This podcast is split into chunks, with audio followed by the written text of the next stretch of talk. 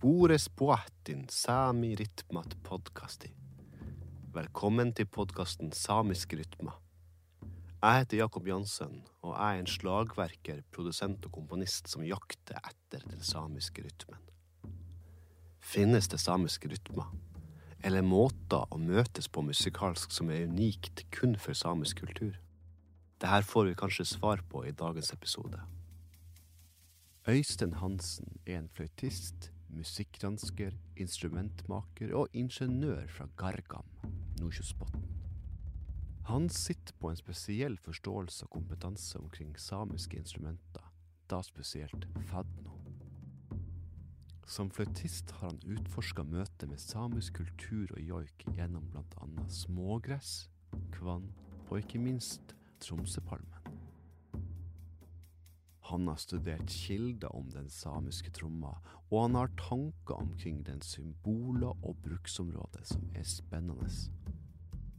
Øystein er også en initiativtaker av rang, og omgjorde i 2008 et nedlagt bedehus i Balsfjord om til en kulturell møteplass. Her finner man i dag et fløytemuseum, et verksted for instrumentmaking og en scene. I tillegg til å ha et brennende engasjement om samisk kultur og samisk musikk, har jeg et inntrykk av at han også har bygd sin forståelse omkring det her fra sin rolle som fløytist og musiker. Stemmer det her, Øystein? Ja, det har nok vært en døråpner på mange områder. Og også har det vært med og gjort meg mer bevisst. Og det var kanskje der at mye av migrantskning begynte, når jeg forsøkte å finne fløyte som jeg syntes passa til joik. Jeg ville ha en fløyte som passa både til joik og til kvensk, eh, nordfinsk eh, musikk. Jeg har en ganske stor samling av eh, blåseinstrumenter. Spesielt mange fløyter fra hele verden. Og jeg fant ingen av dem som jeg syntes var veldig gode til joik. Og så er jeg jo ingeniør. Bygningsingeniør. Og, og så begynte jeg å analysere hvilken fløyte er det jeg er ute etter? Hva er det slags egenskaper den skal ha for at den skal passe til samisk musikk? Og liksom det her med å kunne tøye og dra i tonene litt, og, og kanskje ja, lett skifte mellom litt overtoner og sånn her. Og jeg hadde leita etter liksom, og prøvd å definere, så fant jeg ut at ja, men det jeg har beskrevet her, det ligner jo veldig på de stilkene i Tromsøpalmen. Og så gjorde jeg noen forsøk, og så snart som jeg fikk det til, så var det akkurat som at joiken hadde bodd i de store stilkene. Så det var den klangen jeg liksom hadde hatt i hodet mitt. Og det er litt sånn merkelig at jeg hadde noe bestemt som jeg bevisst lette etter for å få det å passe etter mine vurderinger. Uten at jeg egentlig hadde liksom sagt til meg selv at sånn og sånn skal det være. Men med en gang jeg hørte lyden, så kjente jeg igjen. Det er det her jeg har lett etter. Du sa at joiken lå i stilken. Ja, det var en sånn her, nesten sånn her litt sånn filosofisk betraktning. At det var nesten som at joiken bodde i de der stilkene. Så det, det passa så godt ut ifra de forutsetningene som jeg hadde til å tenke fløyte til joik. Kan du forklare det for en som ikke kan sånn her musikkterminologi? Hvorfor det passer så bra til joik? Nei, det kan jeg ikke. For det har jeg prøvd å beskrive i så mange år.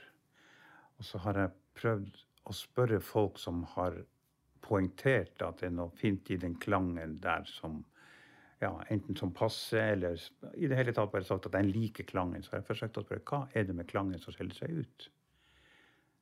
Og, det, forsøkt, og spesielt kunstnere eh, som ikke så botten i kanskje det her eh, fysikken som jeg gjerne forholder meg litt til. Men vi har ikke vokabular for å beskrive klangbilder så godt, syns jeg. Men så ble det gjort en, en nærmere undersøkelse av Tromsøpalmefløyte. Det er gjerne store rør som ligger i et litt dypere leie eh, til nord eller under det igjen. Og eh, så vi gjorde noen eksperiment i et ekkofritt rom på UNN. Og det var med ordentlig høyoppløselig utstyr. Eh, hvor det ble plukka helt ned. Og da fikk jeg til svar at her er det faktisk noen ting som kan skjelle seg litt ut. For det ligger noen subharmoniske overtoner, altså imellom de ordinære overtonene, veldig svakt. Men det ligger noen eh, frekvenser der som normalt ikke er med. Og det er ei fløyte, fant de ut, som eh, har eh, mer av det samme. Og det er ei gammel kinesisk fløyte, en modell som heter didzi. Den har et ekstra hull mellom blåsehullet og første fingerhold. Og over det hullet så spennes det huden av bambus som er veldig tynn. Og den lager litt sånn krøllete. Slik at den ligger og lager noe umerkelig lyd. Som visstnok skal innstille seg til sånne her eh, mellom eh, overtoner. Toner som ligger mellom overtonene. Så vi kunne se det grafisk. Så det er skrevet en, en eh, vitenskapelig artikkel om Tromsø palmefløyta som sier at den har noe spesielt der. Så interessant. Ja. Fortell oss litt om eh, fadno. Hva er fadno for noe, Øystein? I utgangspunktet så er jo ordet fadno fra nordsamisk Og jeg vet ikke de andre samiske språkene hva slags ord de har, men det er altså planten kvann. Den er toårig. Første året så blir det bare blad. Andre året så vokser det også opp en stilk, nesten som det vi snakker om i Tromsøpalmen, eller de store skjermplantene med hule stilker. Den bladstilken og bladet, det kalles for fadno på samisk. Og så kommer da denne eh, stilken som, eh, som kalles for boska. Hele planten kalles for boska andre året. Og så har jeg da et og et samisk ord som peker imot at det er en plante som man bruker å ete. Som ikke jeg klarte å huske akkurat nå. Og det er en samisk fløyte? Nei. Altså, jeg forbinder ordet, terminologien fløyte, med at da blåser du imot en kant. Du sender luftstrøm imot en kant, og så har du da Ifra den kanten så er det et resonansrør som da eh, lager resonans på den, de, de eh, frekvensene du lager der du blåser. Mens en fadno den har en helt unik måte å lage lyd på. Som er forskjellig fra fløyte, og for så vidt forskjellig fra rørbladinstrument også. Den regnes vanligvis eh, som et, et eh, rørblad. Dobbeltrørbladinstrument. Eh, noe som jeg ikke er helt bekvem med. For det som jeg mener det ligner mest på, det er stemmebåndene. For den, det instrumentet kan kun lages og spilles når planten er grønn og fersk. Det er tynne, små stilker. Og da lager du en Du har en tynn kniv, og så skjærer du på langs i stilken ifra den enden som er tett Altså stilken vokser opp, og så deler han seg i tre. Så deler den neste seg i tre, osv. Der den deler seg, der er også røret tett. Og det ikke rører jo en myk, tynn sak, det her. Men der den er tett, like ved den enden, der lager man et snitt i stilken, så det kan få luft å sive gjennom. Så stikker du hele det snittet inn i munnen, og så trykker du på med luft, slik at lufta Eh, går gjennom det snittet. Og så begynner de flatene å vibrere og svinge.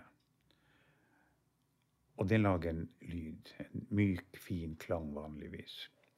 Og det det minner meg mest om de flatene her, det er stemmebånd. Men eh, det er nå bare min enkle måte å definere det på. Og det er dokumentert at det her er et, blitt brukt et, som et samisk instrument? Det er dokumentert for ganske lenge siden. Det har jeg altså funnet dokumentasjon på. Eh, og det er gjort litt sånn her um, forskning av en Emsheimer som, Ernst Emsheimer som fikk sendt noen eksemplar av Fadno ned til Stockholm, og der drev han på med forskning på de her. Og beskrev noe som jeg absolutt ikke er enig i helt. Fordi at for det første så visner de ganske fort hvis de ikke er pakka inn på en riktig måte. da. Egentlig så pakker man dem ikke inn. Man har dem noen dager, og så lager man en ny. Det er veldig enkelt å lage dem. så. Men eh, der var det gjort granskning av de her av folk som ikke eh, neppe hadde sett dem i bruk. Og begynne å blåse på de her, og så skal man da beskrive det musikalsk. og det, De har iallfall snakka nord og ned. Det der var ikke noe til instrument. Det var noe for barn å leke med. og Det gikk an å lage tre-fire fingerhold som fungerte. og Altså, det er aldri skrevet noen ting av folk som kan lage fadno, eller som kan spille fadno. Det er liksom noen sånne her forskere som har sett på de instrumentene og kanskje de burde hatt med noen som, som kunne spille dem og uttale seg. For jeg lager fadno med diatonisk skala, syvtoneskala og sånn her. Eh, så en del av det som var skrevet der, det stemmer ikke kort og godt. Ja, Det er også dokumentert, sånn som jeg sier, at den har vært altså spilt med at man stakk denne spalta inn i munnhula, og så trykka man til. Og så var det laga fingerhold. Eh, og det tror jeg jo ikke man gjorde så mye som beregninger av. Det der er erfaringer. Det, jeg ser også at når jeg lager noen, så vet jeg ganske nøyaktig hvor en fingerhånd skal sitte. Og så lager man dem først litt for langt ned imot én. For da har man en tone som er litt for lav i forhold til det som er tilsikta. Og så tar man av litt mer og litt mer oppover, så får man et litt avlangt hold, fingerhold. Til man treffer den tonehøyden som man sikter etter. Og så lager man neste fingerhold. Da man, kan man utnytte det til to effekter. For det første så har man klart å justere seg inn til de tonene man ønsker. Og det kan hende at man har en fadno som, man, som passer fint til å spille et par-tre joiker på. Mens andre joiker, da lager man en med annen fingersetting igjen. Men de avlange fingerholdene de gjør også at det, man kan lage litt med glissandoer på dem. Ikke veldig bra, men du kan vri og vri, rulle fingrene litt, så får du eh, litt sånn glissando fram. Og når, hvordan den har vært spilt, så har den nok også vært spilt det, det, krever ganske mye muskulatur. Du må, du må, spille en del før du blir trent. Fordi at den spalta som man har laga, den har man gjort med å legge kniven skrått. Altså man sikter ikke rett inn mot sentrum av røret. Men man legger kniven skrått i den her eh, i den planteoverflata, slik at liksom den ene flata ligger oppå den andre. Og når man da liksom vrir på instrumentet med hendene når man spiller, så kan man også justere tonen litt. Og så justerer man tonen med hvor hardt lufttrykk man setter på. Det er jo ikke uvanlig med andre instrument heller. Slik at man kan justere seg inn litt, og man kan dra og tøye litt i tonene. Og jeg tipper på at det har vært brukt som et soloinstrument. Også fordi at det er ganske upresist. Og, og eh, det er ingen eh, som har beskrevet i hvert fall at det har vært brukt verken sammen med joik eller med trommer eller andre instrumenter. Så jeg tenker jeg at det har vært brukt som et soloinstrument. Er det utelukkende eh, blitt brukt i sesongtid til fadno? Det er gjerne på forsommeren, eller på sommeren man kan bruke den. Utpå høsten også, før den visner, så begynner den å bli trena, så vi sier at den blir hardere i stammen og stilken. Og da er den også veldig vanskelig å spille, tung å spille. Så jeg tror jo at det der er noe For min del, altså, når jeg finner kvann på forsommeren tidlig og får høste, kjenne duften av den krydderduften av kvann. Og, og, og, spise stilker når de begynner å sprette opp, og sitte og spille litt musikk samtidig. Så da er det veldig riktig sesong for, for fadna. Men man kan spille den hele sommeren. Jeg har også lært meg teknikk for å oppbevare den ganske lenge. Så har de i iskaldt vann. De bruker gjerne isbiter lamme. Eh, også, eh, og mørkt. Så kan jeg få dem å holde ganske lenge. Så jeg har jo spilt utover i september-oktober. er det seneste de har spilt. Da har jeg vært til fjells og funnet sånne som er blitt eh, moden seint på året. De som har vokst seint på året. Øystein, kjenner du til eh, noen andre som spiller fad nå? Er det en tradisjon som er i live? Den er jo litt i live i og med at jeg spiller ennå, men eh, det er, jeg kjenner ikke til noen andre som eh, spiller Fatno. Men det var laga en eh, film som heter 'Jakten på urtonen', en dokumentarfilm om det her som jeg holdt på med som instrumentmaker. Når den var vist, så var det flere, gjerne litt eldre folk, som kjente igjen det instrumentet fra når de var unge. Og det har jeg også funnet her på Mallangshalvøya innover Balsfjorden. Folk som ikke var det minste overraska når jeg kom med kvannstilker og 'Å ja, skal du lage fannfløyte?' Fikk jeg spørsmål om. Ja, det var kjent fra tidligere. Så eh, Det var ordet kvannfløyte. Kvannfløyte er det som veldig mange har brukt, ja. Eh, men det er jo gjerne her som det samiske språket er blitt borte. Eh, så jeg tror det kan være årsaken til at man har snakka om kvannfløyte. Men det vet jeg heller ikke sikkert. La oss eh, snakke litt om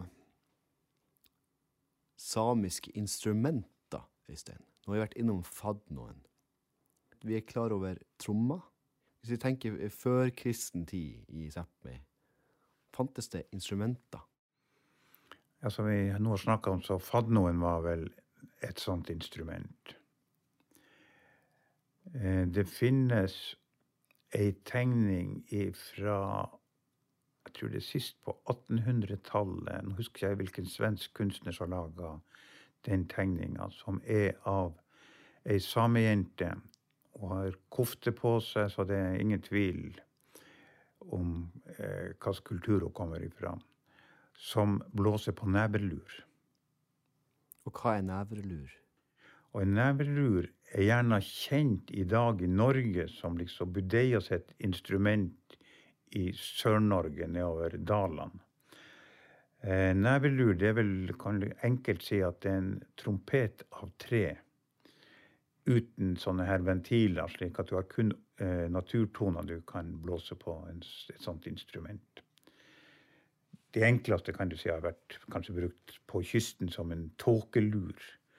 Så har de, hvis du lager dem lengre og utformer innvendig kanal korrekt, så kan du blåse flotte melodier etter naturtoneskala.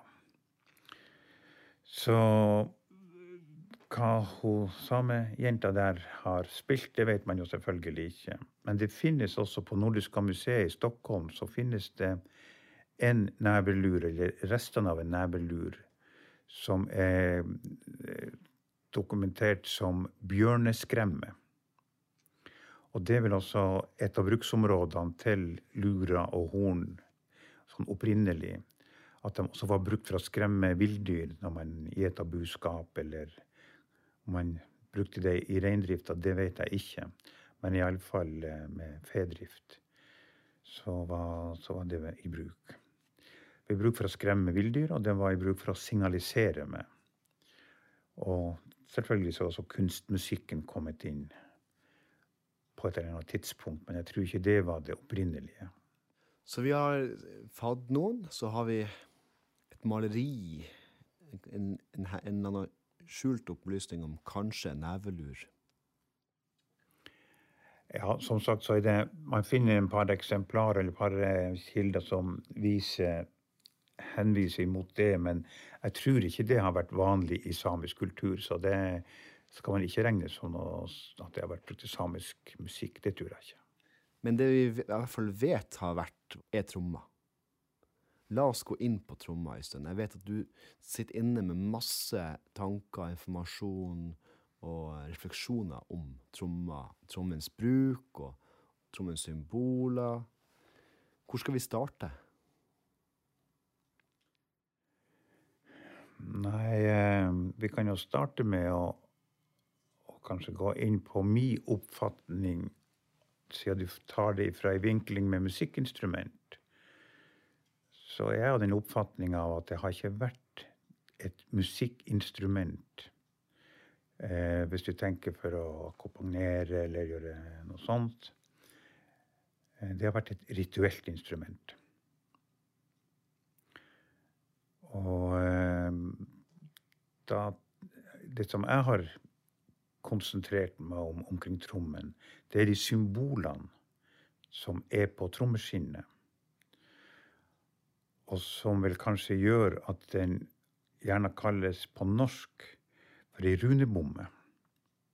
Jeg har ikke helt likt ordet runebomme fra begynnelsen, fordi at det liksom lett kan kobles til runer og sånt fra vikingtida. Og, og, man kjenner vel ikke til at det har vært en del av vikingkulturen. Men så, på den andre sida, så har jeg igjen begynt å ta det ordet i bruk. Fordi at det med runer, det er ikke bare et skriftspråk. Men rune som, som skriftspråk, det har jeg lest iallfall, at det også var kobla til noe mytologisk fra begynnelsen mytologisk, mystisk, magisk. Det samme jo med navnet Rune. Det skal være, ha av den samme betydninga. Men jeg begynte å interessere meg for eh, de her symbolene også når jeg fant som bergkunstner med Svartehavet. Så fant jeg et av de her symbolene som skal symbolisere en av gudene, som vil kanskje mest kunne ligne på Viegalmai, eller vindguden som står med to sånne her um, staver med en trekant på toppen av de stavene som skal være sånne her, eh, vifter. Hvor Bjegolmai står og samler inn vind med viften sin i ei hula bak seg, så han kan slippe det ut ettersom han har behov for. Men så fant jeg på i noe bergkunst som var avbilda, et veldig likens symbol. Så blir det enda mer forvirrende når jeg fant det altså på en inkaportal i Sør-Amerika. Der er det også et symbol som, som ligner veldig eh, på den samme gudefiguren. Da måtte jeg sette meg ned og bite i blyanten litt og finne ut hva, hva, hvordan kan den sammenhengen være. Og da, da endte jeg egentlig med to utveier som noe av det jeg klarte å forestille meg. Enten så var det en gud som for rundt og åpenbarte seg, som hadde vært i Sør-Amerika, med Svartehavet og her oppe i nord. Og det fant jeg ut at For det første så hadde jeg ikke så stor tro om at det var tilfellet. For det andre så ville jeg aldri kunne finne ut noen ting omkring det, så den la jeg bort. Den andre årsaken som jeg tenkte på, det var at hvis det her er en veldig, veldig gammel tradisjon, så kan den ha bredt seg ut, altså vært med folkevandringer i forskjellige retninger. Men for å bli vedlikeholdt så godt, så må man nesten få det repetert. Og etter hvert så gikk det opp for meg at det vi får over alle de her kyststrøkene, og alle de her plassene som jeg snakker om, det er stjernehimmelen over oss. Så det har jeg jobba ganske mye med. Og så har jeg vært jeg er så heldig at jeg har interessert meg for astronomi fra jeg var ganske ung. Og har eh, lært meg litt om stjernehimmelen og ja, lest litt om de gamle mytene, de greske mytene som vi lærer. Vi lærer jo greske navn på stjernebildene over oss. Og det forundrer meg. Det fins jo en samisk mytologi. Det fins jo samiske stjernebilder, men det lærer vi ingenting om. Men vi lærer det greske. Men i alle fall så eh, har jeg jobba ganske mye med å prøve å finne ut om det er en sammenheng mellom symbolene på trommen og stjernebilder. Og det har jeg endt opp med at det er. Det er iallfall en teori som jeg har, og den har jeg også jobba i lag med eh, eh, professor Jan Erik Solheim, som er professor i astronomi. da. Og, og eh, jeg har fått hjelp av han. Og vi har vel endt opp begge to med at her er det mange ting som er så lik Men vi må se det over lange, lange tidsepoker for å få ting til å stemme. Og de langsomme bevegelsene som er på stjernehimmelen, det har vi da brukt som et tidsur for å mene noen ting om opprinnelse, og kanskje også man ut ifra det kan si noe om hvor hen eh, de mytene her er oppstått.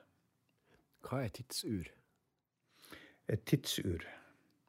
Og et tidsur, det, det, som vi bruker som tidsur i den sammenhengen, det er det at jordaksen er ikke stabil og står ikke likens hele tida i forhold til solplanet, men den er som en snurrebass som er i ubalanse. Altså, så den peker i forskjellige retninger mot stjernehimmelen til forskjellige tider. Og ut ifra det så kan vi kanskje finne at de, spesielt de sørsamiske trommene Sånn som de ser ut i dag, så stemmer de ikke helt med stjernehimmelen. Men når, denne, når jordaksen har flytta seg, og polarstjerna er Altså det har vært andre stjernebilder som har vært polarstjerner. Så kan vi finne tidsrom hvor de sørsamiske trommene faktisk kan stemme bra med stjernekart. Det her er jo helt eh, ekstraordinært eh, unikt, Øystein. Hvordan er mottakelsen fra andre mennesker rundt når, når, du kommer med de? Jeg har holdt meg foredrag om det her og prøvd å illustrere det. og, og eh, Tilhørerne bruker å være begeistra, og noen gir jo uttrykk for at det er jo selvfølgeligheter, det her. Mens kanskje andre ikke liker det for at Ja, det er jo ikke heller si, For noen kan det kanskje være noe som ligner på det å lage buddha-karikaturer. Du begynner å forklare, og du begynner å Noen opplever det kanskje som at man bortforklarer ting som man tror på og mener og har et oppriktig forhold til. Det er ikke min mening. Jeg er ikke ment å bortforklare noen ting som helst. Men symbolene og det at stjernehimmelen over mennesker rundt overalt på kloden har vært kobla til noe guddommelig, det tror jeg er ganske kjent. Det kan man si fra mytologi rundt på hele kloden. Hvordan har du og, og de du jobber med, da, gått videre for å finne ut hvordan de her tidsurene kan stemme? Kan du fortelle litt om det? Ja, altså I dag er det jo veldig enkelt, for i dag så kan man bare få en app apper på mobiltelefonen sin som simulerer stjernehimmelen over tid. Og, og, i de store planetariene Jeg var så heldig å få brukt litt planetarium og sittet og tenkt. Eh, og sett på hvordan ting kan utvikle seg, eller det har utvikla seg. Og når jeg har fått jobba i lag med eh, en astronom, så har jeg jo fått det veldig klart og tydelig hvordan ting har flytta på seg over lange tidsepoker. Så det er i dag veldig elementært og enkelt. Det er noe som er kjent. Det er ikke noe mystikk i det, altså. Det er bare ren astronomi. Forklar litt mer utfyllende om hvordan du ser på symbolene på tromma i forhold til det astronomiske. Ja, det, For min del så er det så enkelt at det er en urgammel astrologi. Og altså, astronomi det er jo da det fysiske om, om stjernehimmelen, men astrologien er jo da en tolkning ut av det som en gudeverden, kan vi kanskje si. Så i, altså, jeg er ganske sikker på at det er en urgammel astrologi som man har tegna ned på trommeskinnene, og som man har bevart. For det er også slik at med religion så driver du ikke på å tukle og endre det veldig ofte. Vi har vel gjerne en 2000 år gammel tradisjon som vi følger. Vi rører ikke mye med symbolene som korset og sånt som det her. De er spikra. Og de, dem, forholder man seg til uten å Man kan ha noen variasjoner over dem. Det ser vi på trommen også, at de forskjellige som har laga trommer, de har hatt sine egne variasjoner. Men det er noen ting som er stabilt over lang, lang, lang tid. Og det er, hvis vi ser på de sørsamiske trommene, så er det det sentrale korset eller krysset som er der. Og en rombe som står midt i Ca. midt i trommeskinnet. Rombe, altså tromme? Altså en, nei, en rombe, altså en firkant. Nå har vi datt bort litt ingeniørspråk igjen. Se for deg tromma og dens bruk. Du eh, snakka noe om at man ikke kan se for seg at det har blitt brukt som et instrument. Kan vi snakke litt mer om hva du tenker om trommens bruk? Ja, det er jo stort sett ting som jeg har lest meg til, da, og, og liksom fått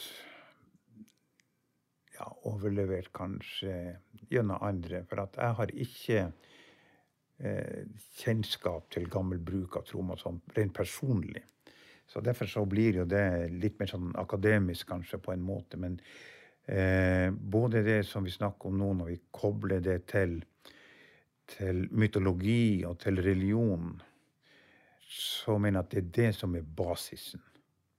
Og det er også beskrevet altså de prestene som tok trommen fra noidene og fra eh, samer som brukte trommen, så er det beskrevet helt klart hvordan man hadde en ring eller en trekantig eh, peker liggende på trommeskinnet. Man holdt tromma eh, horisontalt, vannrett. Og så når man kakka på trommeskinnet, så flytta den der pekeren seg mellom symbolene. Og ut ifra det så kunne man spå og lese av ja, forskjellige ting. Man kunne bruke tromma da som en kontakt med, med den mytologiske verden, med den andre sida, med en gudeverden. Så det er vel i veldig enkle trekk hvordan jeg oppfatter at tromma har vært brukt. Og de symbolene, hvis man da kaller dem for runer, så kobler jeg det også over til på min egen dialekt. Når vi hadde sykdom og enkle ting, det er ikke lang tid tilbake, så gikk man til en som kunne lese. Det var, hvis det var et mannfolk, så var det en runkall. Og det han gjorde når han leste Vi kalte ikke det for å lese, men vi kalte det for å rune. Altså igjen så er vi inn på en mystikk som jeg syns kan passe fint til å kalle det for runebomme også. Men som sagt, jeg har ikke vært enig med meg sjøl fra begynnelsen, men etter hvert så har jeg begynt å se de sammenhengene. At det som ja, både kvinnfolk og mannfolk, men mannfolk kalte vi for runekall, det de gjorde eh, innenfor mystikkens eh, verden, og det som man gjorde med tromma, det er kanskje et slektskap der en form for magi, eller hva vi skal kalle det for. Runkall. Ville man brukt det samme med kvinner, tror du? Man gjorde ikke det. Altså I dag så vil man kanskje være litt mer nøytral og enten finne et nøytralt ord, eller Altså vi, I vår dialekt så snakker vi bare om en rundkall. Og Vi kalte ikke et kvinnfolk for en rundkall, men vi hadde ingen eh, bestemt ord på en kvinne som kunne lese og ta bort vorte og stoppe blod og sånne ting. Og Var det sånne personer som ikke tok betalt, eh, og var litt sånn uh, hemmelig i sin, sin uh, offentlighet, på en måte, eller? Det var vel helt klart folk som var veldig anonyme omkring det her, og ikke på noen måte markedsførte. Det var sånn som gikk fra munn til munn. Og jeg kan aldri tenke meg at noen av dem tok betalt. Det var, ikke, det var ikke sånn det var. Man hjelpte hvis man kunne hjelpe. Tenker du at det, det, kan ha en kobling med samisk religionsutøvelse, på sett og vis? Ja, Om det bare er samisk, om man hadde det i andre folkegrupper, det vet jeg ikke. Men iallfall så finner man det igjen i, i samisk, ja. Det, det, det, tror jeg. Og man har Om dem som ikke var samisk, eller regna seg som samisk, hadde lært av noen som var samisk, det vet jeg heller ikke. Hvor man lærte det, det er jeg ikke så sikker på. Og, eh, men i alle fall så var det noe som hang igjen i vår tradisjon enda da. Jeg er vanligvis veldig forsiktig med å gå inn på det religiøse både omkring trommen og det jeg har studert, det er symbolene. Og forsøkt å finne ut litt om bakgrunnen for symbolene, om det er en naturlig forklaring hvor de eh, har sin opprinnelse. Og det er jo litt spennende å se at over så store avstander som i sørsamisk område og nordøstsamisk, så finner man en del av de samme figurene tegna likens. Og, og, det i seg sjøl har nå gjort at jeg har undres på det her. og sånn fra tid til annen tatt det fram og studert litt. Og har jeg kommet over noe jeg har lest så jeg kunne koble opp mot det her. Det jeg sier når jeg har funnet på en Inka-portal i Sør-Amerika, så har jeg aldri vært i Sør-Amerika, men det er jo ting jeg har lest bare da. Og lest om de her Sett bilde av de her Inka-portalen, som jeg sier. Har du funnet ut noe som du tenker er en trommes opprinnelse ved denne typen granskning? Nei, det kan jeg ikke si. Altså, jeg har kanskje en tidsakse Eh, for det, et tidsrom hvor enn det starta. Men det, det, det, krever mye forklaring og nesten billedliggjøring for å kunne gå inn på det.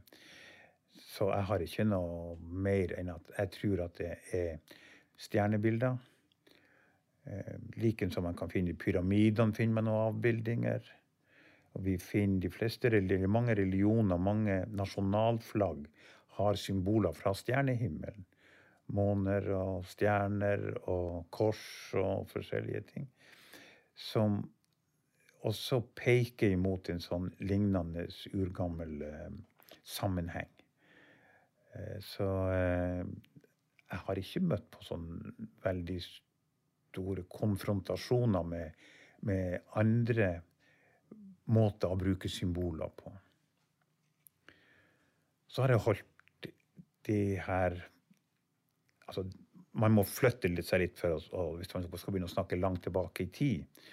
Og, og da har jeg også lest litt om hvordan genforskere mener at folkevandringen har foregått. Og så er det flere sånn parametere, og myter har jeg brukt i ja, kolasamiske myter. og for å finne, så, så har jeg liksom funnet ett område hvor alle de her går opp og stemmer slik at det er liksom grunnlaget for en teori jeg har om bakgrunnen for symbolene på samiske trommer.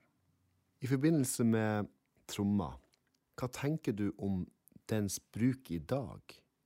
Er det en trommetradisjon som kan ha overlevd, selv om man sier at kristninga tok mye av, av tromma og trommens kultur?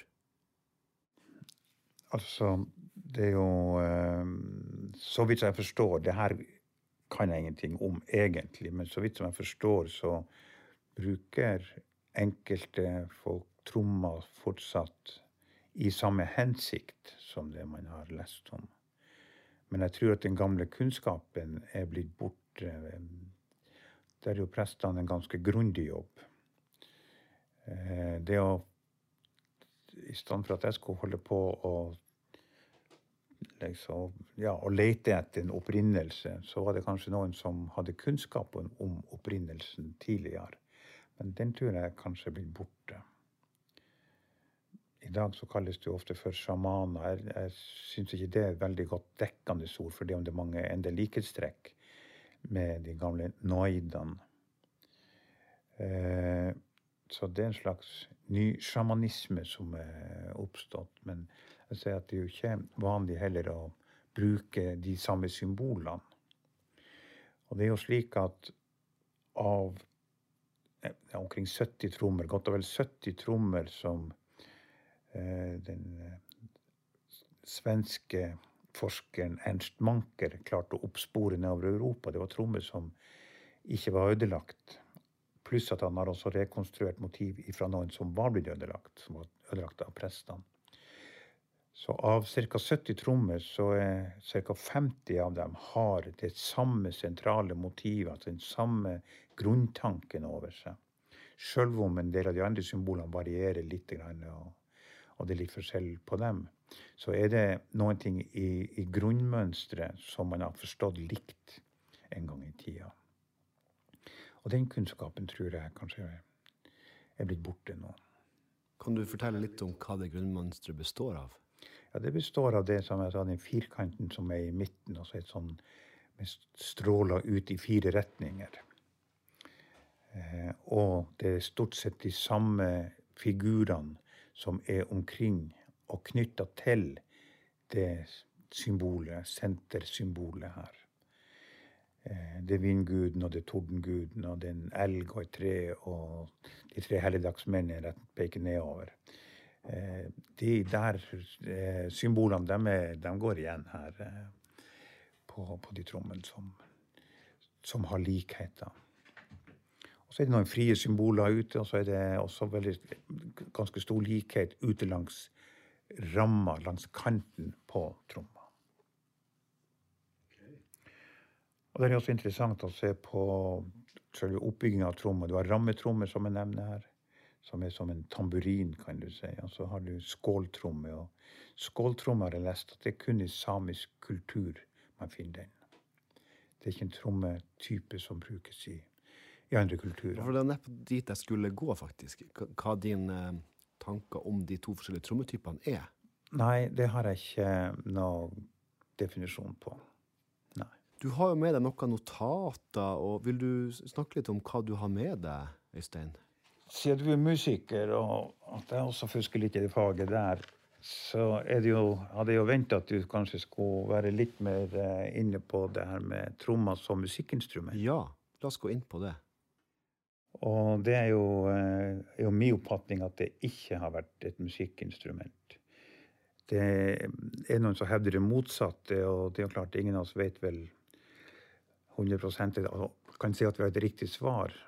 Det som er et argument for at den har vært brukt sammen med joik, det har vært i forbindelse med sånne her trommereiser hvor en noaidi, en sånn her Ja, kall det gjerne sjaman, for det må ikke jeg like det ordet. Kunne reise over til den andre sida ved å joike og tromme seg i eh, ekstase blir det gjerne omkalt, omtalt som. Og så kan han falle bevisstløs om, og da er det andre som trommer og joiker for å holde han i transe mens han er på den reisen sin. Så der er jo det beskrevet at man eh, har tromma og joika. Som den store skeptikeren som jeg er til ting som jeg leser og tolker. For det første så er det jo er det her opplysninger som er gitt til de prestene som ødela trommen deres, og som dømte folk til døden. Og ikke prestene dømte dem til døden, så var det folk som ble dømt til døden fordi at de eh, drev på med den hedenske religion. Så hva folk sa, tror jeg ikke man kan legge 100 eh, tillit til. at Det var korrekt, men man sa nok kanskje en del ting som man tenkte gagna si egen sak. Eh, men som den skeptikeren som jeg sier, så, så leser jeg også det at det står faktisk ingen plasser at man gjorde det samtidig. Man joiker, og man trommer. Og sånn som det er skrevet, så, så, leser jeg også at, eh, at, det der var noe man joika og tromma som samspill. Men det står faktisk ikke det så veldig konkret. Så for den del så kunne man tromme, og man kunne joike hver for seg. Men eh, sånn som det er skrevet, så ser det ut som at man eh, trommer og joiker samtidig. Eh, men om man så gjorde det, så er det tromma som har vært det vesentlige. Det er tromma som, eh, som var det rituelle redskapet. Så da vil jeg nesten vri det til at da joika man til tromminga, men man tromma ikke til joikinga. Ja, selv om det sannsynligvis var et uh, samspill imellom dem. Men det er den plassen hvor, uh, hvor iallfall jeg har lest om at man joika og tromma. Mens eh, ellers er den oppfatning at tromma, den var hellig. Det var ikke bare de store noidene, sånne her form for yppersteprester, som brukte tromma. Den var i bruk av andre folk også. Eh, og det tyder jo litt på det når man snakker om i Gammen f.eks., så var den hellige døra bak på kjøkkenet. og hvor man også skulle ta tromma inn og ut. Der tok man bjørnekjøttet inn til offermåltidet, eh, for det var et hellig dyr. Eh, hvis man hadde ei dør i Gammen Så Gammen var jo boligen til mange. Det var jo ikke bare Noiden som bodde i en gamme. så er det også noe som kan peke imot at tromma var mer vanlig eh, å bruke. Nesten litt tilbake til det her med å rune. Jeg vokste opp med ei mor som brukte å spå i kaffegrugg. Unge jentene de kom om lørdagskveldene før de skulle på dans, og kom de og ble spådd. Det her var det mye spøk i, bare, men eh, jeg har stått og sett på hvordan de må dreie koppen tre eller syv ganger, det husker jeg ikke, og hanken måtte peke mot kirka og sånn her. Og så mens når det da var tørka inni der, så kunne moren min se for seg høye, mørke typer som de ville møte, og de var så blank på øynene, de her unge jentene som satt der og hørte på. Så, så altså, det her dagligdagse, både med runkaller, folk som kunne lese og stoppe blod, og tidligere at noen også hadde tromme, det tror jeg var langt utover bare at det var enkelte noider som kunne bruke trommer. Interessant. Enn med hammeren? Har du noen tanker i forbindelse med den? Du snakka om eh, trommesymboler på tromma. Hva er dine tanker i forbindelse med hammeren sin rolle til tromma? Ja, altså sin rolle, sin funksjonelle rolle, det var jo for å få trommeskinnet til å vibrere. Eh, for å få denne peken til å vandre. Sannsynligvis var lyden også viktig i det her. Det som jeg kjenner til om hammeren, det er jo også ting jeg bare har lest. Eh, men jeg leste at den skulle tas ifra en brunstig okse, den delen på hornet som peker rett framover, skjeller seg litt ut, den skulle brukes til å lage eh, trommehammer av. Men som sagt, det der er Det er vel ting som er fra den tida når prestene beskrev trommen ut ifra de opplysningene de fikk, kanskje først og fremst prester. da. Eh, men utover det så har jeg ikke noe spesiell kunnskap om hammeren. Takk, Øystein. Hvis vi går litt til det her relasjonen i forbindelse med joik og rytme. Du er jo også musiker og spiller med en rekke joikere, bl.a. Beta Lette Mienna. Og, og, du har også en, en, rekke egne prosjekter. Tenker du noe spesielt i forbindelse med rytmikk og joik, når du som musiker møter joik? Nei, egentlig tror jeg må være ærlig og si at jeg ikke gjør det. For det første er jeg ikke flink med rytmer. Det er det ene. Det andre er at det er joiken som egentlig bestemmer hva jeg skal gjøre. Hvis jeg akkompagnerer joik, f.eks. Men jeg hadde en periode hvor akkurat det der var veldig eh, viktig for meg å prøve å forstå og finne ut av. Og jeg husker jeg laga en eh, melodi som iallfall jeg forbinder med som en samisk melodi som jeg på norsk kalte for 'Lysets seier'. Som liksom skal ta deg med fra mørketida og inn i lyset. Du skal merke at det lysner opp. Og jeg husker hvor jeg jobba med de tre første tonene i den.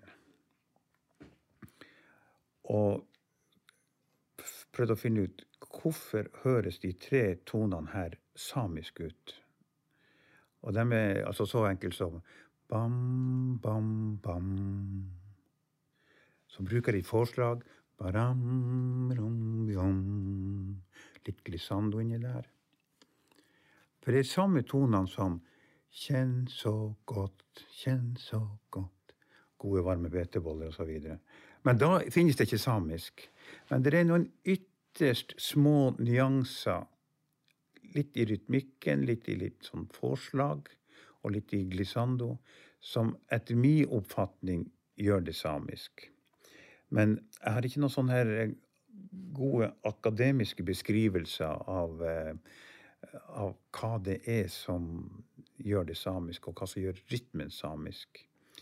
Du spurte om at jeg har en del papirer med meg, og, og det, det som jeg har sett en del på, det er kanskje spesielt eh, Carl Tirén sin, eh, sitt bokverk det her som heter eh, 'De lappiske folkmusikk', utgitt i 1942, hvor han reiste rundt i ja, veldig store deler av det samiske området, i sørsamisk, særlig på svensk side, og i Nord-Norge. og samla inn joik. Eh, det er jo ganske spesielt det han gjorde fra begynnelsen. Han jobba i Sveriges jernbane, og han var musiker og han var kunstner. Så han var veldig allsidig. Men han var ikke same, han var vel ikke joiker, så vidt som jeg vet. Men han spilte fiolin, og han bygde fioliner, og så var instrumentmaker, han òg. Og sånn som jeg forstår det han gjorde, det var at når han fikk noen å joike for seg, så tok han den joikemelodien over på fiolin, for det er lettere å skrive noter ut ifra et instrument. For min del, i hvert fall. Hvis du ikke har absolutt gehør, som jeg er så langt ifra, så er det lettere å ta det over på et instrument og så skrive ned som noter. Og det er jo klart at de notene de klarer jo aldri å gjengi joiken. Eh, vokalmusikken har så uendelig mye flere muligheter. Og det som ligger i sånne kvarttoner og, og nanotoner, eller hva vi skal kalle det for, det forsvinner jo gjerne på et musikkinstrument. Så joiken står jo helt på egne bein. Du kan etterligne joik på et instrument, mener jeg, men å spille joik, det blir litt sånn merkelig ordstilling. Eh, så jeg har sett en del på det han gjorde, spesielt fordi at det nordligste han var, det var i min heimbygd, det var i Balsfjorden. Eh, der var han i 1911, i juni 1911 og samla inn joik. Og da, var han på jakt etter joik fra de reindriftssamene som kom over fra vinterområdene på svensk side og til sommerbeite med kysten. Eh, og det er også interessant å se hva som var skjedd i 1911. for noen av dem joika til han. Veldig mange var slutta å joike. Og det var jo litadianismen kanskje som gjorde at man slutta med joiking. Det var synd. Han fikk noen som joika for seg alene. Når han neste dag igjen sammen med andre begynte å snakke om det du joika til meg i går Nei, han hadde ikke joika i går. Nei, Man fornekta det at man joika. Så, så liksom kirka og, og, og religion har tatt bort mye av joiken, da. Men når jeg ser på de notene som Carl Tirén har skrevet ned, de er veldig viktige.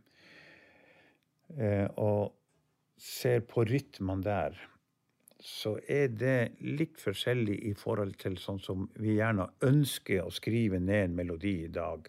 For rytmene endrer seg veldig mye. Det er ikke én en ensarta rytme. Det er ikke så veldig mye fire fjerdedels takt som går gjennom hele melodien. Men de skifter.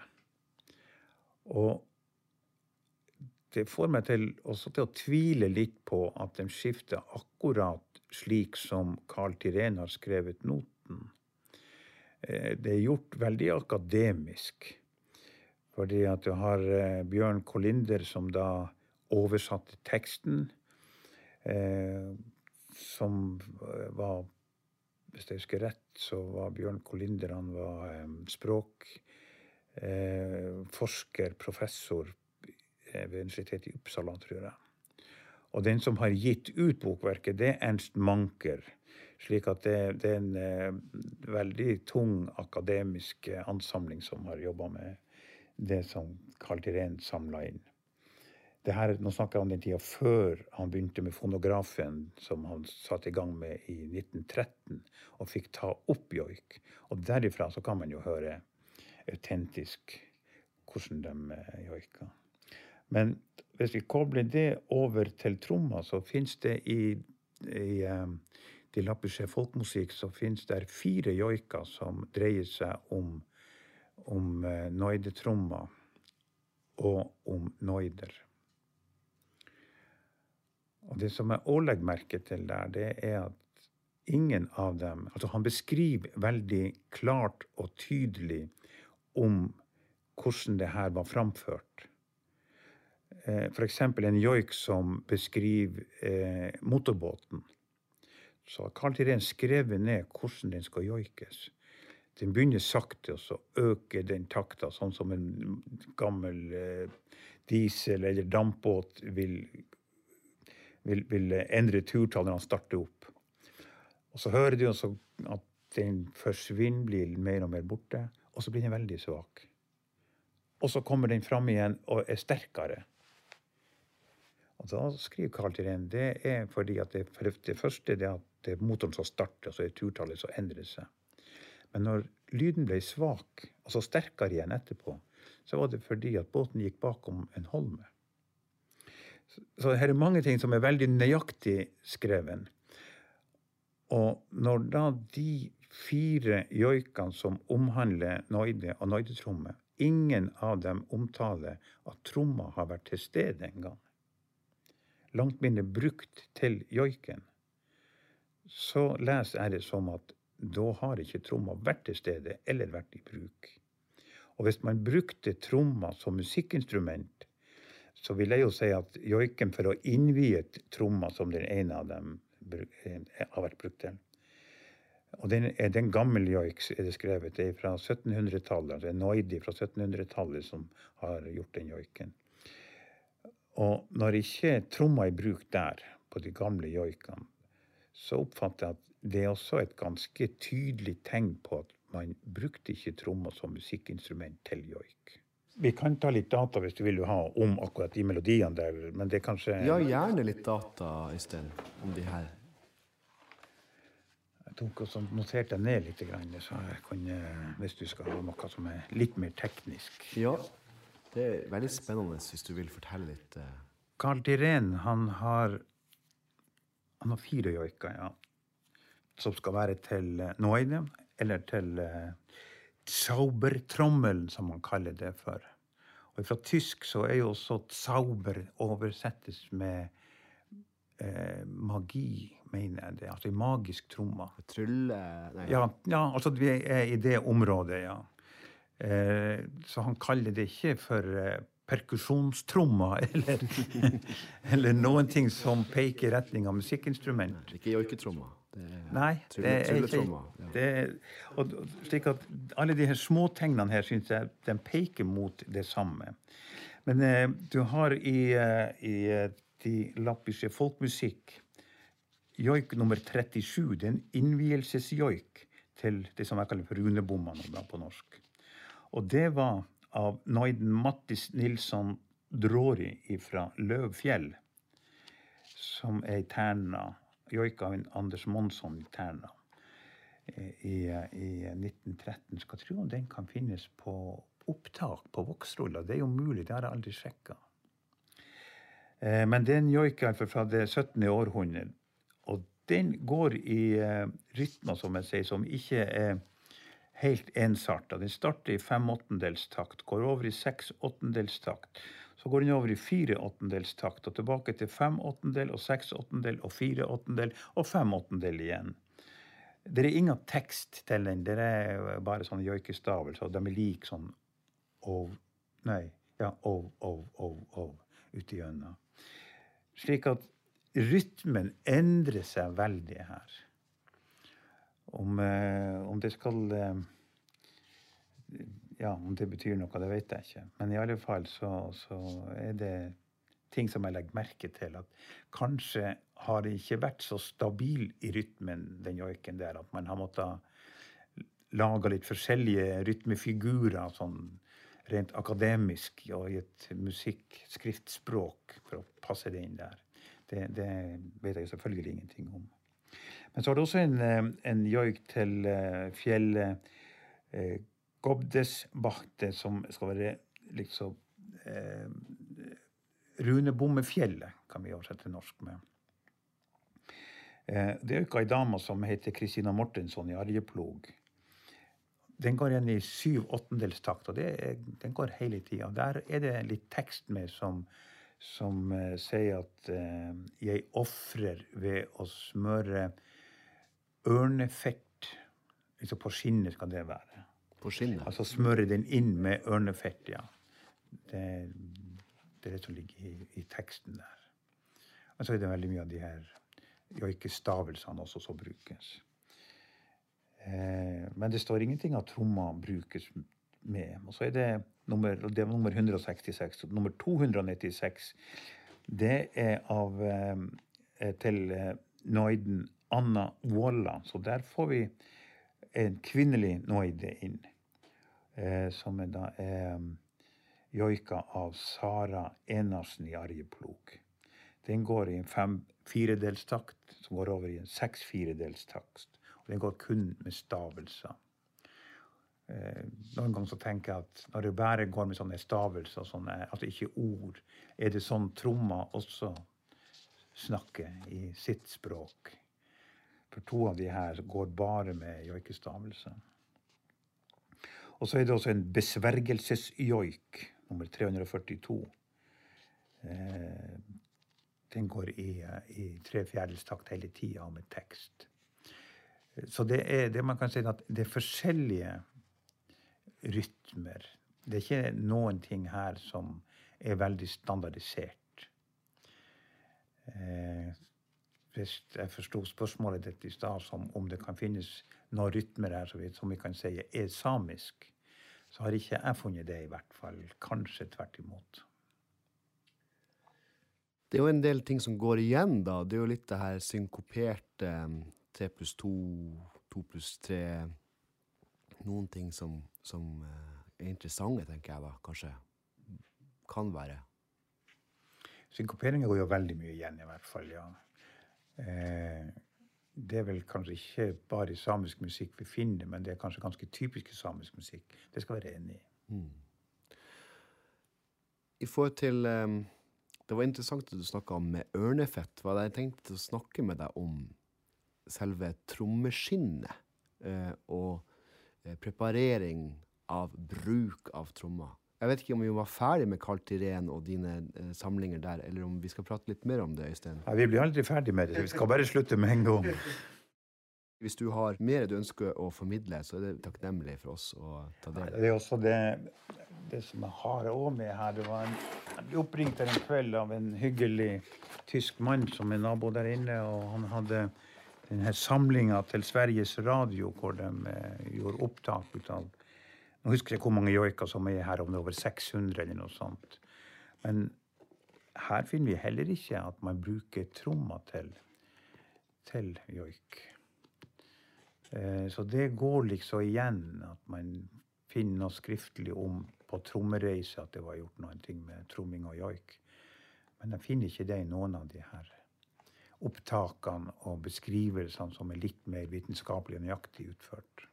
I din forståelse og i din tolkning av kildene, så tenker du at tromma og joiken har på en måte vært atskilt? Kan man si det? Jeg har en følelse ut av det, at de har forskjellige funksjoner. At tromma i alle fall har en helt tydelig funksjon eh, i rituell sammenheng. At man også joika at man kanskje joika i rituelle eh, seremonier. Det er mulig, det.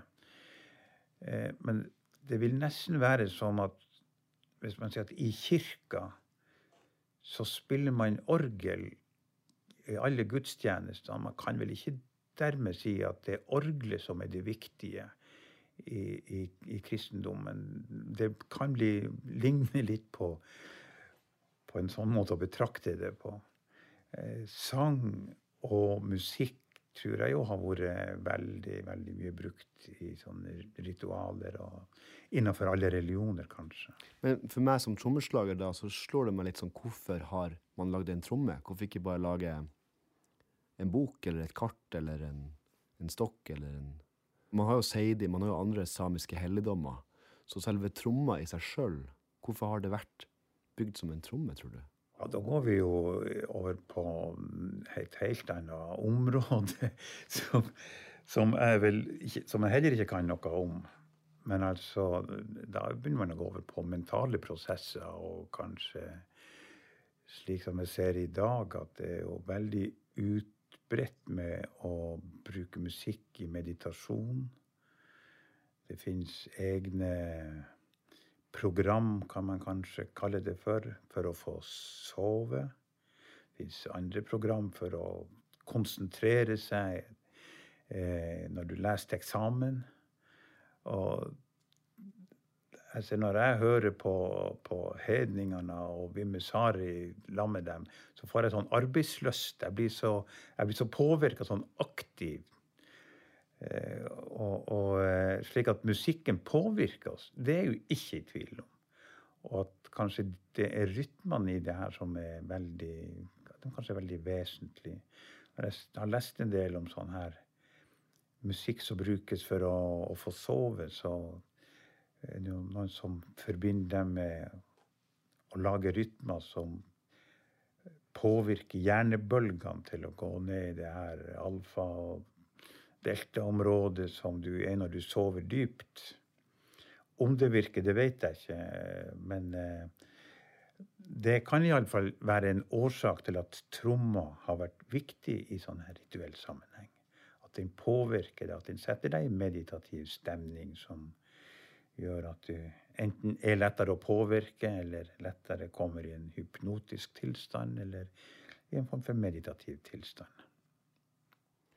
Ja, for hvis jeg tar uh, rollen min vekk som intervjuer og, og mer som en um, subjektiv beskuer av det du sier, så vil jeg jo på en måte problematisere også det der med hvorfor er det et musikkinstrument?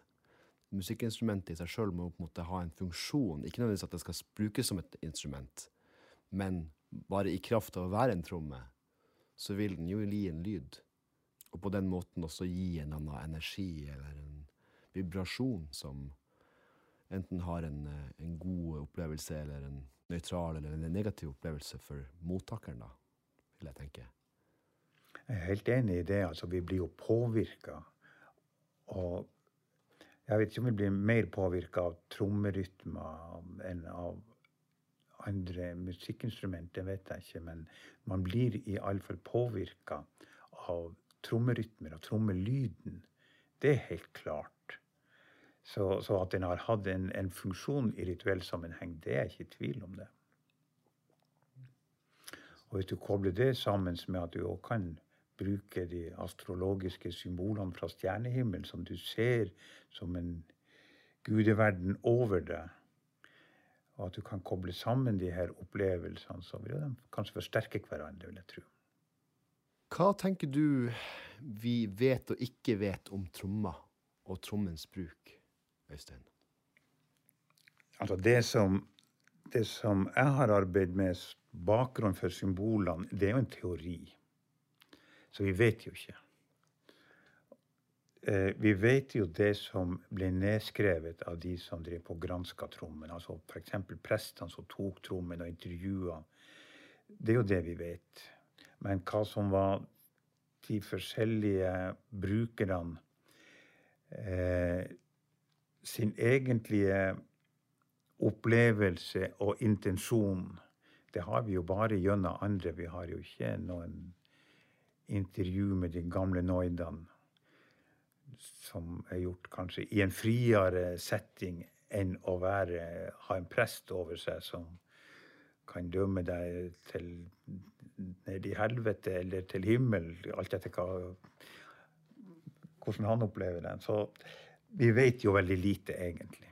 Men det, det, vi, det vi vet, det vet vi fra um, det som prestene har skrevet. Det er hovedsakelig derifra. Og jeg tror jo det fortsatt er mange som forholder seg til tromma og har opplevelser gjennom den, men som ikke vil snakke så veldig høyt om det. Så har vi da en del av det som jeg kaller for en slags ny sjamanisme, som for meg ser ut for, for å være en ja, viss blanding av fra det man vet om, eh, om noidetrommer, fra indiansk bruk, afrikansk For trommer det fins rundt over hele kloden. Og ikke minst fra eh, sibirsk sjamanisme. da. Så jeg tror ikke det finnes veldig enkle, entydige svar. For det, man har så forskjellige innfallsvinkler til trommen og virkninga av trommen og bruk av trommen. At jeg tror det er vanskelig å forene alt det her i én og samme opplevelse. i hvert fall. Har du noen sjangerknagger du bruker i møte med samisk musikk eller joik? Nei, det har jeg ikke. Det er helt avhengig av hva det joiken beskriver. Men jeg har én ting som jeg forsøker å være nøye med, som jeg bruker å snakke med joikerne om, og det at jeg ønsker at det skal være, altså En del av joiken skal være solojoik. Det er det som er det tradisjonelle. Og instrumentene påvirker joikeren. Det er jeg ganske sikker på. For i joiken så ligger det veldig mye nyanser som, som trengs for å lage rytmikk, for å lage en form for akkorder og klangbilder når joiken framfører det. Når instrumentene kommer på, så blir det mindre viktig. Og det blir kanskje ikke heller å passe helt inn med tempererte musikkinstrument. Så man forflater joiken litt med, med å bruke musikkinstrumenter til den. Så jeg syns det er viktig å slippe joiken alene fram.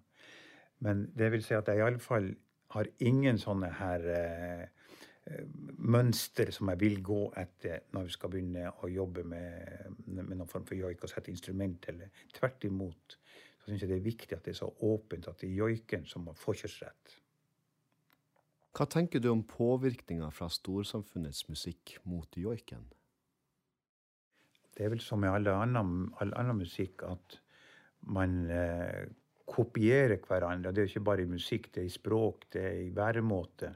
Så er vi jo veldig lik papegøyen, at vi tar etter hverandre. Vi hermer. Og det har jo også påvirka joiken. og eh, Det er jo på mange måter veldig glad, bra at den er modernisert. At den passer for samfunnet og for de unge i dag. Eh, sånn er det jo i all annen musikk også. Så storsamfunnet påvirker joiken helt tydelig. Eh, litt sånn eh, eh, Satt på spissen så sier jo det at det kanskje forflater joiken litt. Grann. Den nærmer seg litt mer sang, og den tilpasser seg musikkinstrumentene mer. Eh, men bortsett fra det så er det mange positive sider selvfølgelig i at den også utvikler seg. Hva tenker du om populærmusikkens rytmikk kontra joikens rytmikk? Det er jo noen ting som jeg syns begynner å nærme seg hverandre igjen. Eh, og nå tenker jeg bare så enkelt som på at i joiken så repeteres ting veldig eh, ganske likt hele tida. Jeg syns eh, en del ut av populærmusikken har gått i samme retning. Så jeg syns man nærmer seg rytmisk. Tror du at uh, joikens rytmikk må tilpasses og normaliseres når joiken må spille med andre enn seg sjøl? Ja, altså, det går jo an å spille instrumenter som blir så åpent at man lager stor frihet for joiken. Jeg tenker bare sånn helt enkelt Med lange toner og sånt, og så kan joiken leve sitt eget liv i en harmoni bare med, med klangbildet jeg tror for min del at jeg går mer den veien enn å forsøke meg på med vanskelige taktskifter og sånt som jeg ikke helt kanskje klarer å beherske på instrumentet engang. Så jeg har ikke noe godt svar på det. Hva er oppskriften for et godt musikalsk møte mellom storsamfunnets rytmiske musikk og joik for deg? Altså det, nå, nå har jeg jo joiken som utgangspunkt. Da. Og da er jo det helt klart Uansett når du setter andre ting til joiken, så må jo hensikten være at det skal løfte den. Den skal bidra med noe slik at produktet, sluttproduktet blir bedre enn om joiken sto alene. Så det må jo være liksom funksjonskravet i det hele.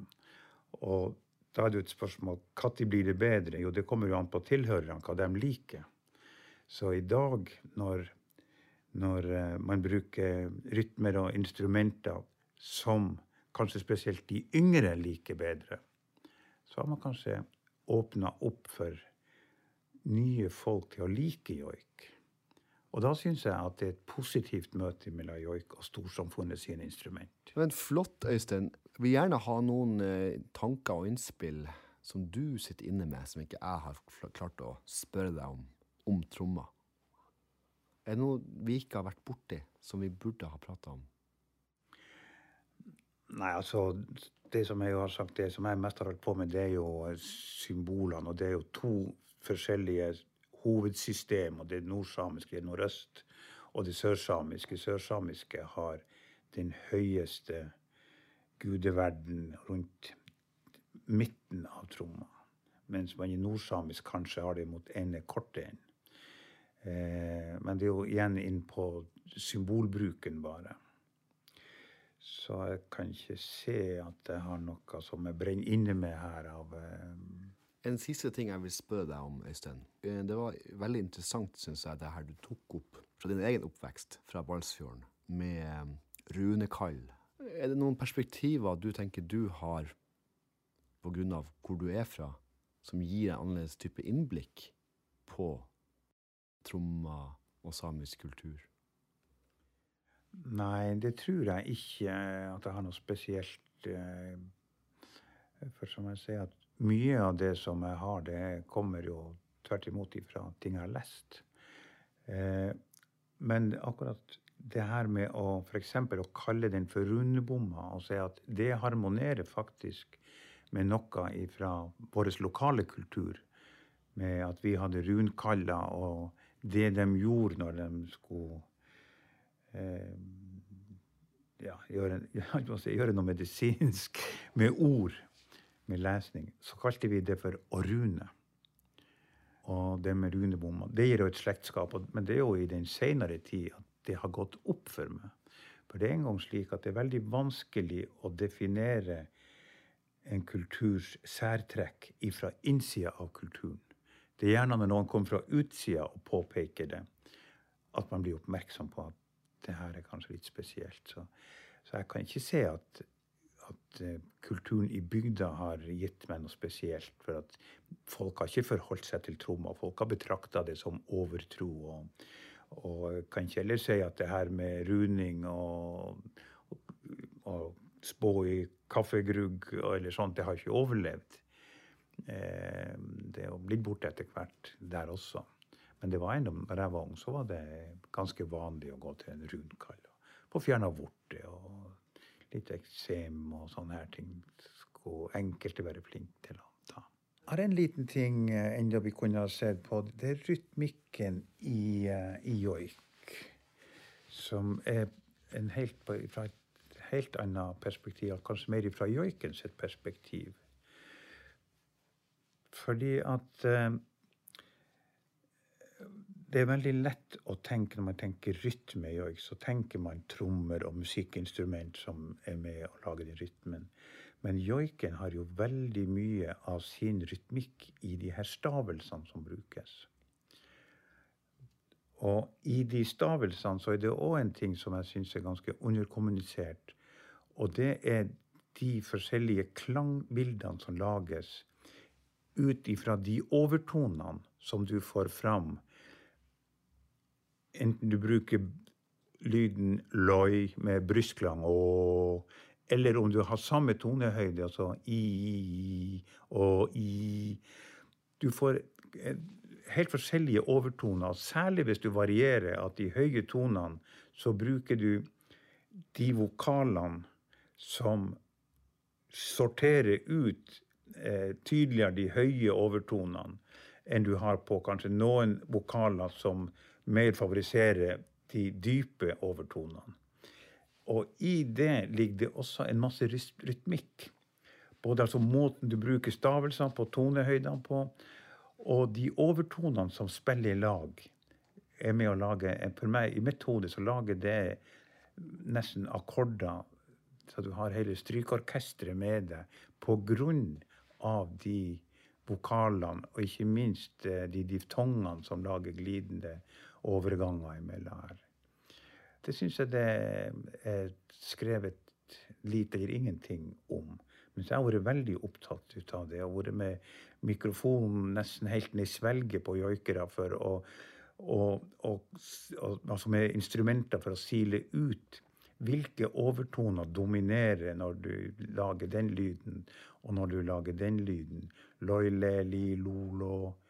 Hva er det som skjer med overtonespekteret når man bruker de vokalene og diftongene? Selvfølgelig sammen med konsonanter som er med å lage rytme. Da. Men det syns jeg også er et veldig interessant eh, rytmebilde som man skaper på den måten. Tusen hjertelig takk, Øystein, for at du tok deg tida til det her. Sjøl takk, det har vært en veldig interessant samtale. og tusen takk for at du har lytta på. Musikken som har blitt nevnt i denne episoden, ligger i en spilleliste, og linken til den finner du på Instagram-kontoen Sami Ritmat, samiske rytmer. Hvis du har innspill til podkasten eller ønsker å komme i kontakt med meg, så kan du nå meg via Instagram på samirytmat, samisk rytmer, eller via e-post til jakobjansson at gmail.com.